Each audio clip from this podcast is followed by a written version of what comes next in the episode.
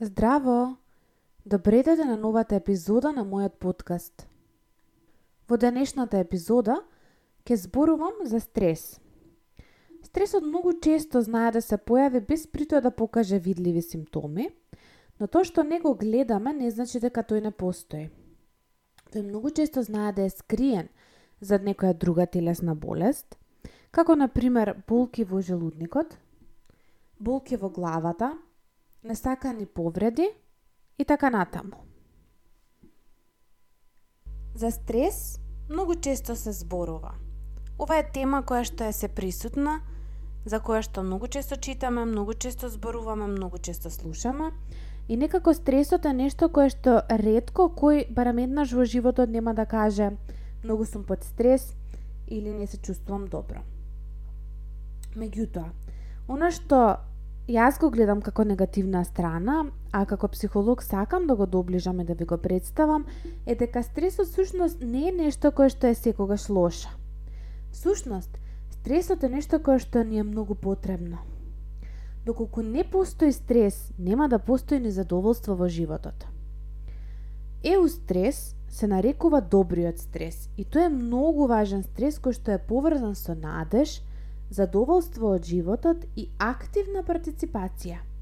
Многу е важно и како самата индивидуа гледа на одреден стресор, но многу често физичката активност, на пример, се гледа како еустрес или како добар стрес, спортот, групните игри, возењето во забавен парк, убавите настани големи во животот, па дури и кавгите со, пар, со партнерот кои што се продуктивни.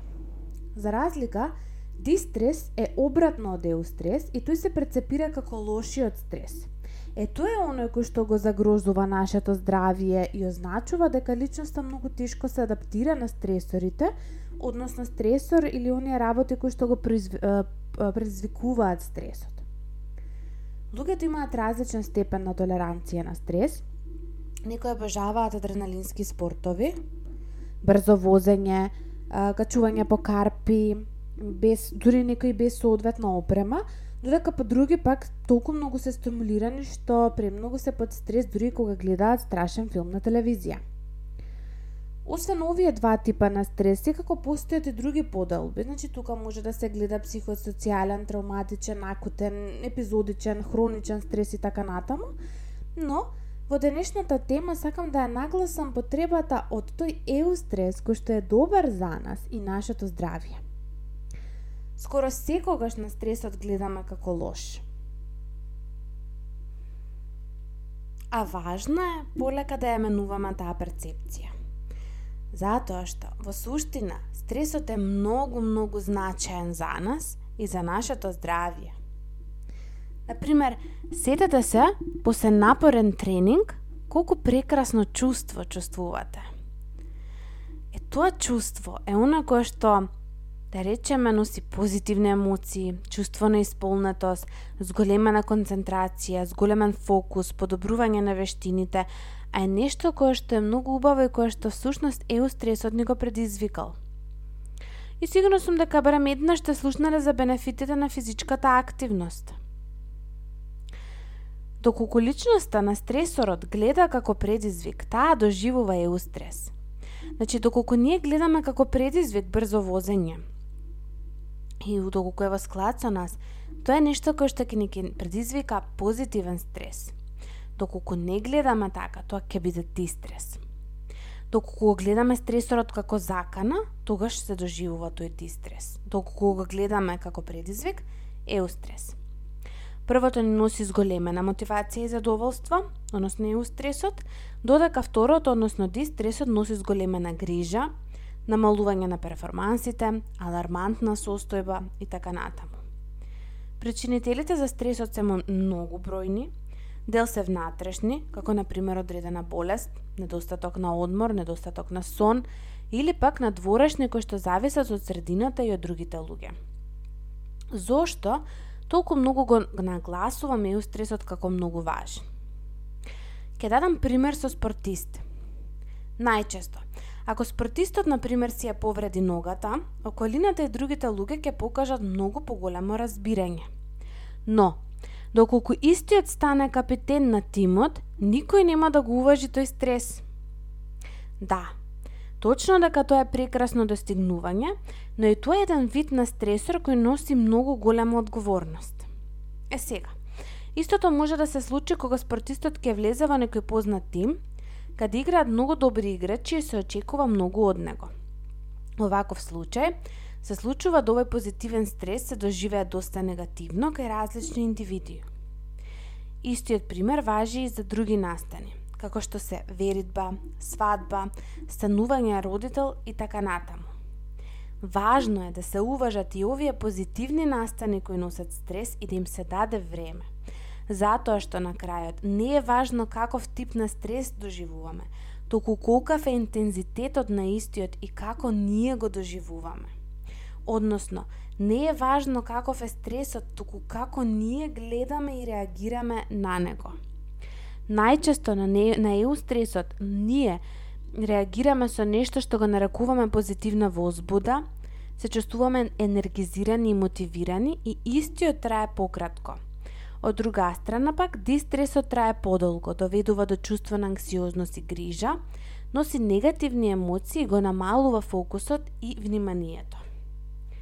Кога се случува стресен настан, се вклучува реакција која доаѓа од автономниот нервен систем – Стресот го активира симпатичкиот нервен систем кој дава наредба да се испуштат одредени хормони, како што се кортизол и норепинефринот, и тие го зајакнуваат, ги зајакнуваат сетилата, го забрзуваат пулсот, го зголемуваат крвниот притисок и го носат нашиот мозок во состојба на огромна свесност, додека делот од мозокот кој е одговорен за емоционално смирување и физичка релаксација е преоптоварен – Сите овие хормони и реакции доведуваат до промени во нашата енергија и во нашиот фокус, како и зголемување на гневот, агресијата и анксиозноста.